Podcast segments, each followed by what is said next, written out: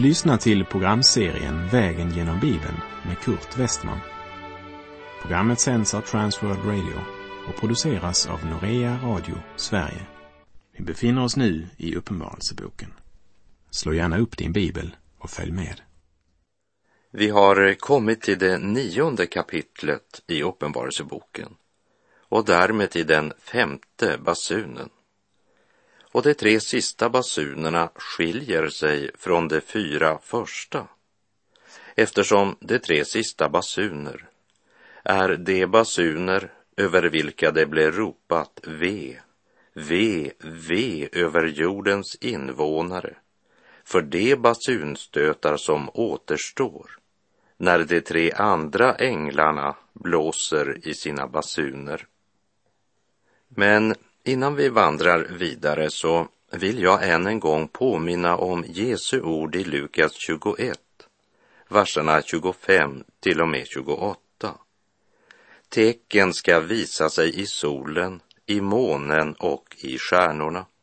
Och på jorden ska folken gripas av ångest och stå rådlösa vid havets och bränningarnas dån. Människor ska ge upp andan av skräck i väntan på det som ska komma över världen. Ty himlens krafter ska skakas. Då ska man se Människosonen komma i ett moln med stor makt och härlighet. Men när detta börjar ske, så räta på er och lyft upp era huvuden, ty då närmar sig er förlossning. Och de orden är det viktigt att ha i minnet inför det vi ska läsa om den mörkaste tiden i mänsklighetens historia. Världen är blind inför den sanning att Gud ska döma synden. Guds barn har i Kristus fått sina synder försonade och lever under nådens baner, lever under välsignelsen. Men att leva i välsignelsen det betyder inte en skyddsparaply mot all den nöd som möter oss i denna syndens värld.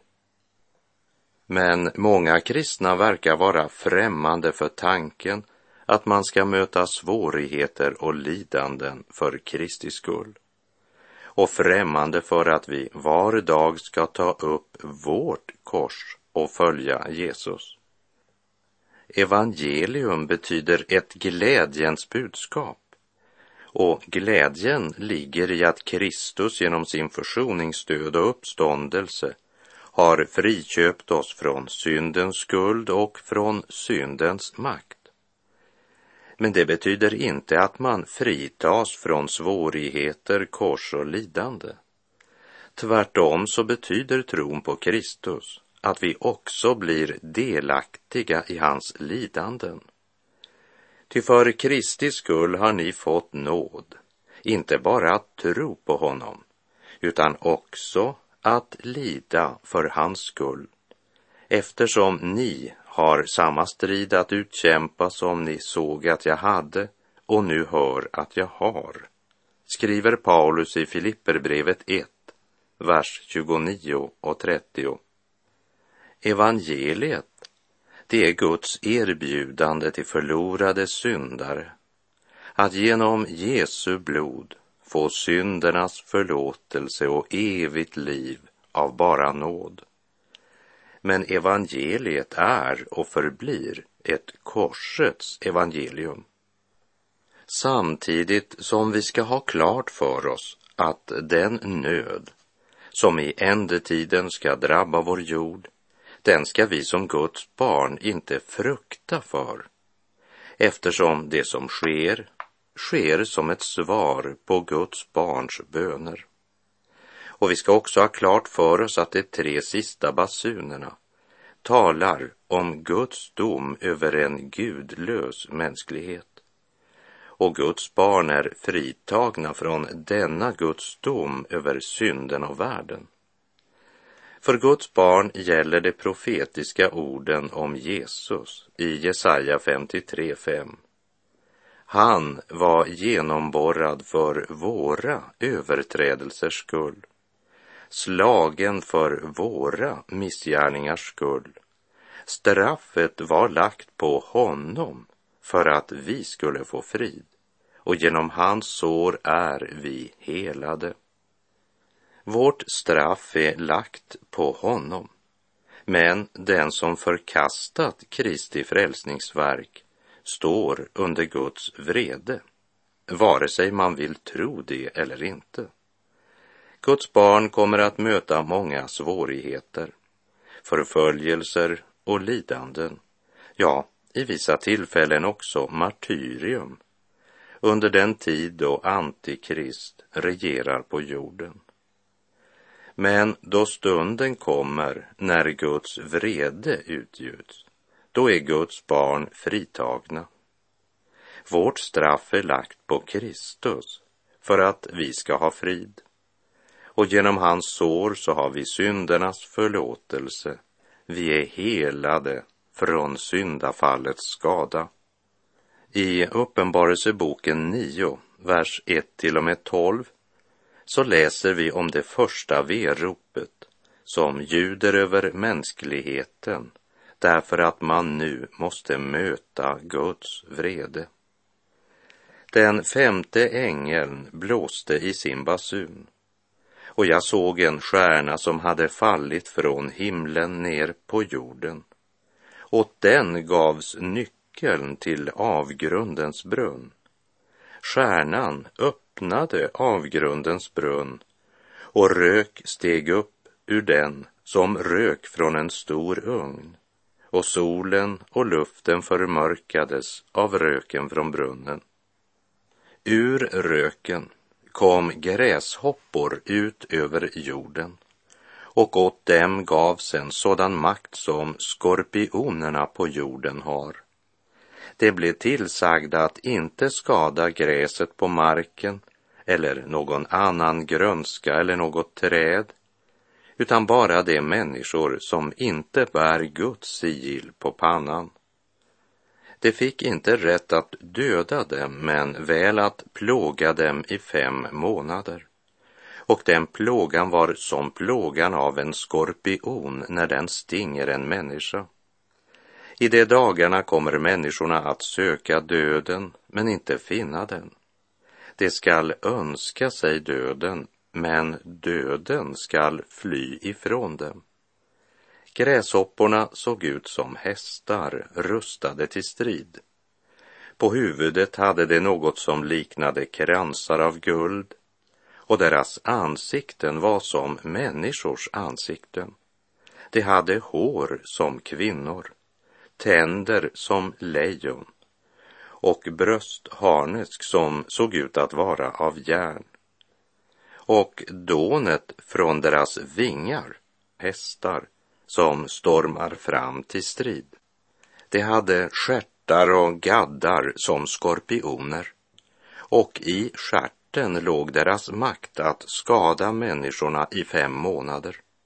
Som kung över sig hade de avgrundens ängel som på hebreiska kallas Abaddon och på grekiska Apollyon. Det första veropet är över Se, efter det kommer två andra. De hade ansikten som människor. De hade hår som kvinnor och hade tänder som lejon. Lägg eh, märke till ordet som. Det var inte människor, men det hade ansikten som människor. Det handlar om en efterapning, en förfalskning. Förfalskningen som ser ut som kvinnohår och lejonets tänder. Det talar om det förlockande, det sinnliga i kombination med ett rovdjur som hänsynslöst sliter sönder sitt offer. Det talar om tankar och ideologier som appellerar till självisk njutning och som bryter alla gränser, lösriver sig från Guds bud.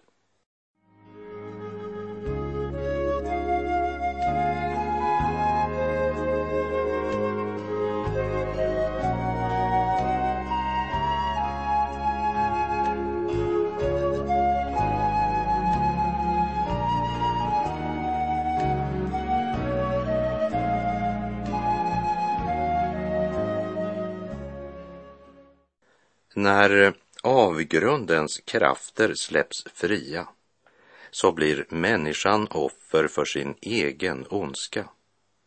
Dessa gräshoppor som såg ut som hästar men hade ansikten som människor.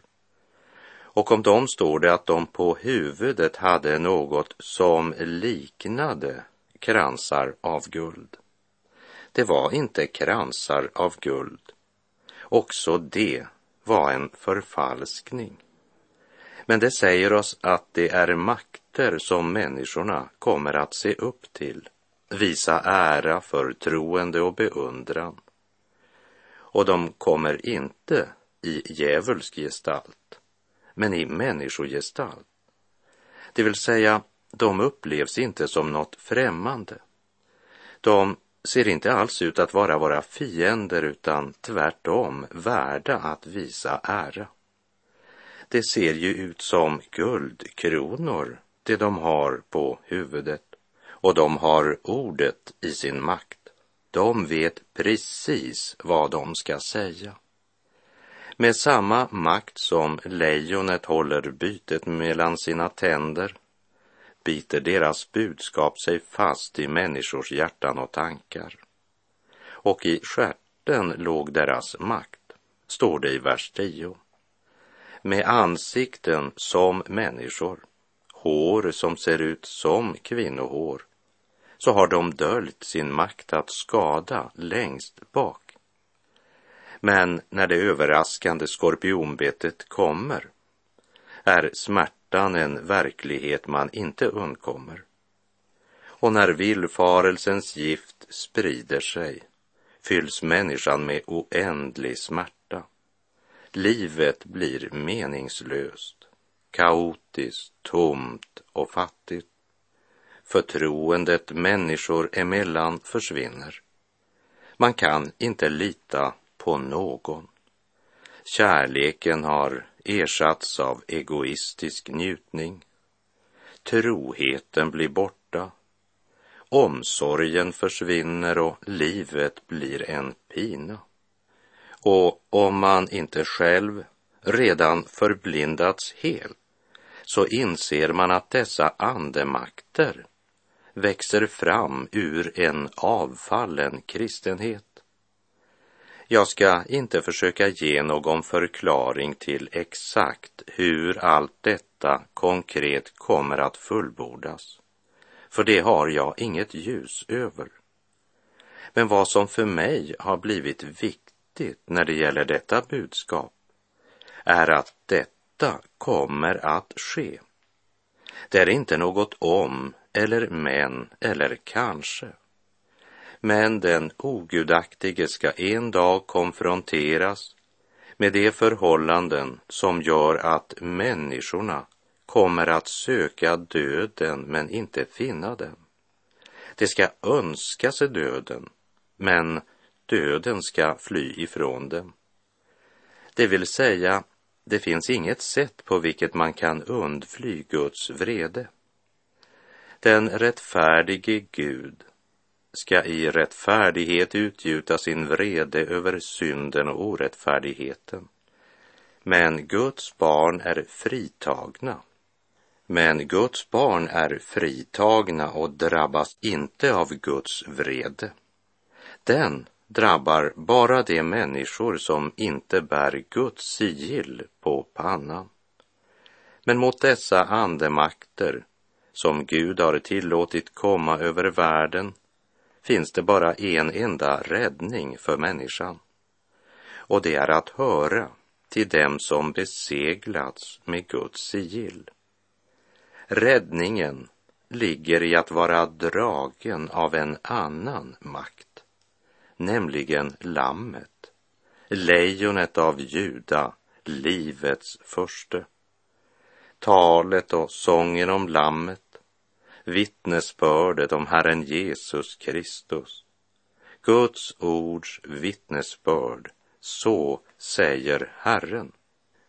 Du kommer väl ihåg Herrens budskap till församlingen i Filadelfia, Uppenbarelseboken 3, vers 8. Se, jag har låtit en dörr stå öppen för dig, en dörr som ingen kan stänga. Ty din kraft är ringa och du har hållit fast vid mitt ord och inte förnekat mitt namn. Det är inte vår moraliska styrka, vårt mod eller vår egen visdom som kan rädda oss undan förförelsen och denna världens tankebyggnader som inspireras av avgrundens ängel. Inte heller vår egen vaksamhet, inte vår renlärighet eller vår bundenhet till traditioner. Här finns det bara en räddning och det är Andens makt att dra våra hjärtan till Lammet. Ty även om vi lever här i världen strider vi inte på världens sätt. De vapen vi strider med är inte svaga utan har makt inför Gud att bryta ner fästen. Ja, vi bryter ner tankebyggnader och allt högt som reser sig upp mot kunskapen om Gud. Och vi gör varje tanke till en lydig fånge hos Kristus skriver aposteln Paulus i Andra Korinthierbrevet 10, verserna 3 till och med 5.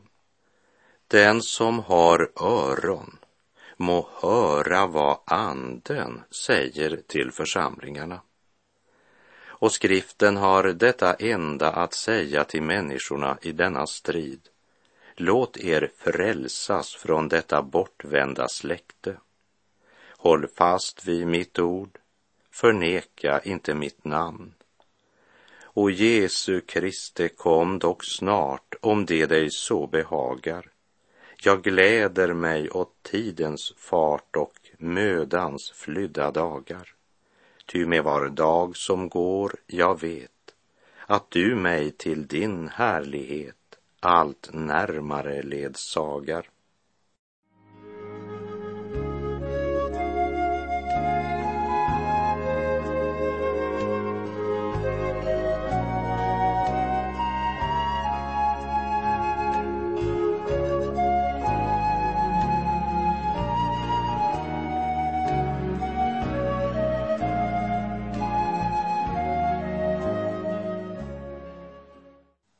I den trettonde versen börjar det andra veropet.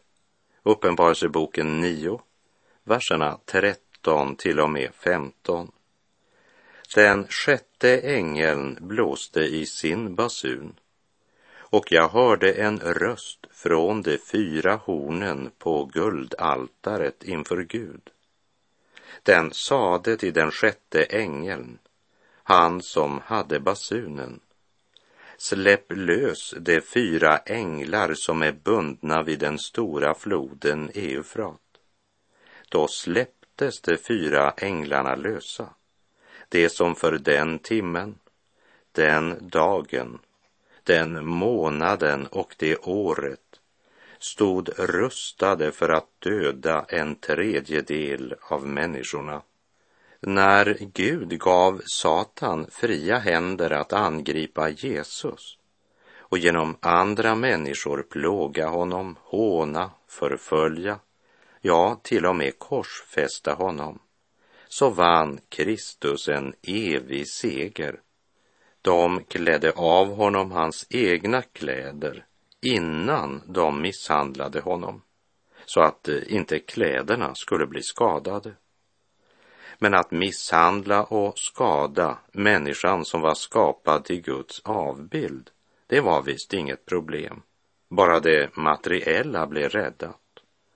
Så totalt förblindar synden. Och medan de religiösa ledarna och folkmassan talade om det tragiska med ett ungt förspilt liv talar Jesus om ett fullbordat frälsningsverk. Och hur fullbordades och hur fullbordades detta frälsningsverk? Jo, det fullbordades genom att Gud lät Satan få fria tyglar att utösa sitt hat mot vår Herre och Frälsare. Guds strategi, det är och det förblir korsets strategi. Genom att tillåta avgrundens makter rasa mot mänskligheten läser vi här om Guds näst sista försök att väcka en avfallen mänsklighet till besinning. Veropet gäller den falska kristenhet som blivit så förblindad av tidsandan att den inte inser att den i verkligheten är förenad med världen. Att det är förenade med världen, det inser vi när vi i kapitel 11 läser om att när vilddjuret har besegrat och dödat Guds två vittnen så står det att jordens invånare gläder sig över dem och jublar och skickar gåvor till varandra. Ty dessa båda profeter har plågat dem som bor på jorden. Guds vittnen upplevs som en plåga för det ogudaktiga och för den falska kristenheten som smittats av tidsandans giftiga bett. Trots plågorna vill man inte vända om utan ger Gud skulden. Och när mänskligheten har förkastat Gud så länge att Satan kan härja fritt, då är människan utlämnad åt sig själv och sin egen ondska. Då växer ondskan till svindlande dimensioner. Vi läser Uppenbarelseboken 9, verserna 16 till och med 21. Antalet män i dessa ryttarhärar var 20 000 gånger 10 000. Jag hörde deras antal. Och eh, så här såg jag hästarna och deras ryttare i min syn. Ryttarna hade eldröda, mörkblå och svavelgula bröstharnesk och hästarna hade huvud som lejon och ur deras mun kom eld och rök och svavel. Av dessa tre plågor, elden, röken och svavlet som kom ur deras mun, dödades tredjedelen av människorna. Ty hästarnas makt ligger i deras mun och i deras svans. Deras svansar liknar ormar och har huvuden och med dem vållar de skada. De andra människorna, de som inte dödades av dessa plågor, omvände sig ändå inte från sina händers verk så att de upphörde med att tillbe onda andar, avgudabilder av guld, silver och brons, sten och trä som varken kan se eller höra eller gå. Och de ångrade inte sina mord och sin svartkonst, sin otukt och sina stölder. Jag tänker inte försöka tyda eller precisera denna ondska, utan bara påminna om att den enda räddningen mot detta Guds fientliga gift, det är Guds ord och vad anden säger till församlingarna. Men när det gäller rösten Johannes hörde från de fyra hornen på guldaltaret inför Gud så vill jag säga att guldaltaret talar om försoningsaltaret som i det gamla testamentet stod framför ingången till det allra heligaste och är det altare på vilket Aron skulle bära fram rökelseoffer var morgon och kväll. Och det talar om den ständiga bönen. Hornen på altaret är ett uttryck för frälsning. Samtidigt så talar hornen om makt och kraft och att budskapet ljuder från alla fyra hörnen, öster, väster, norr och söder. Det talar till oss om att Guds frälsningsbudskap gäller hela världen, alla väderstreck. Gud vill att alla människor ska bli frälsta och komma till insikt om sanningen. Du minns att det i kapitel 7, vers 3 blev sagt till de fyra änglarna som står vid jordens hörn. Skada inte jorden eller havet eller träden förrän vi har satt sigill på vår Guds tjänare, på deras pannor.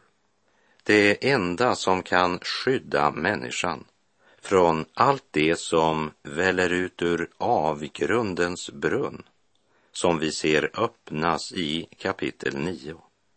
Det är att vara beseglad med Guds sigill på sin panna. Pannan talar om tankevärlden.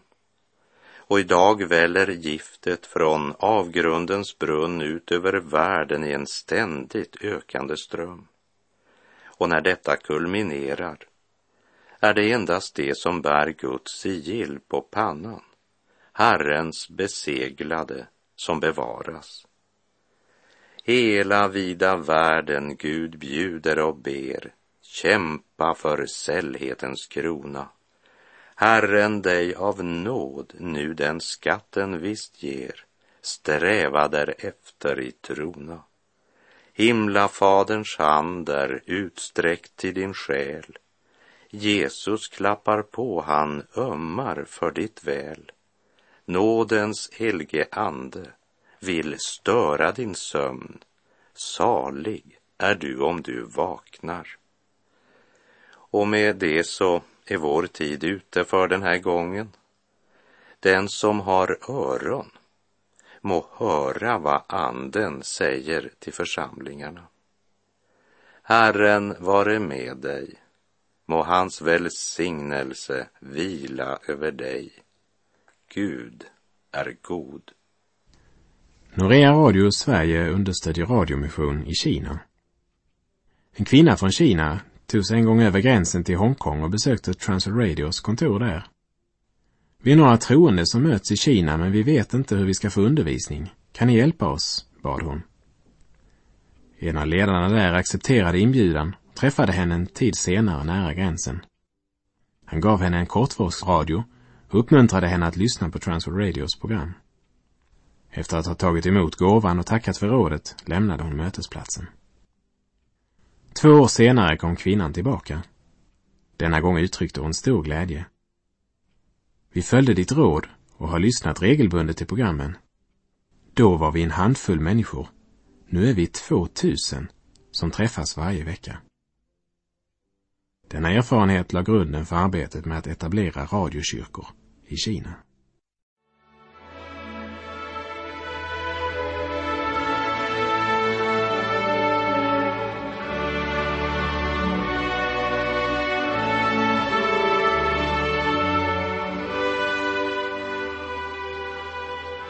Du har lyssnat till programserien Vägen genom Bibeln med Kurt Westman som sänds av Transworld Radio. Programserien är producerad av Norea Radio Sverige. Om du önskar mer information om vårt radiomissionsarbete så skriv till Norea Radio Sverige, box 3419 103 68 Stockholm. Adressen är alltså Norea Radio Sverige, box 3419. Postnumret 10368 Stockholm.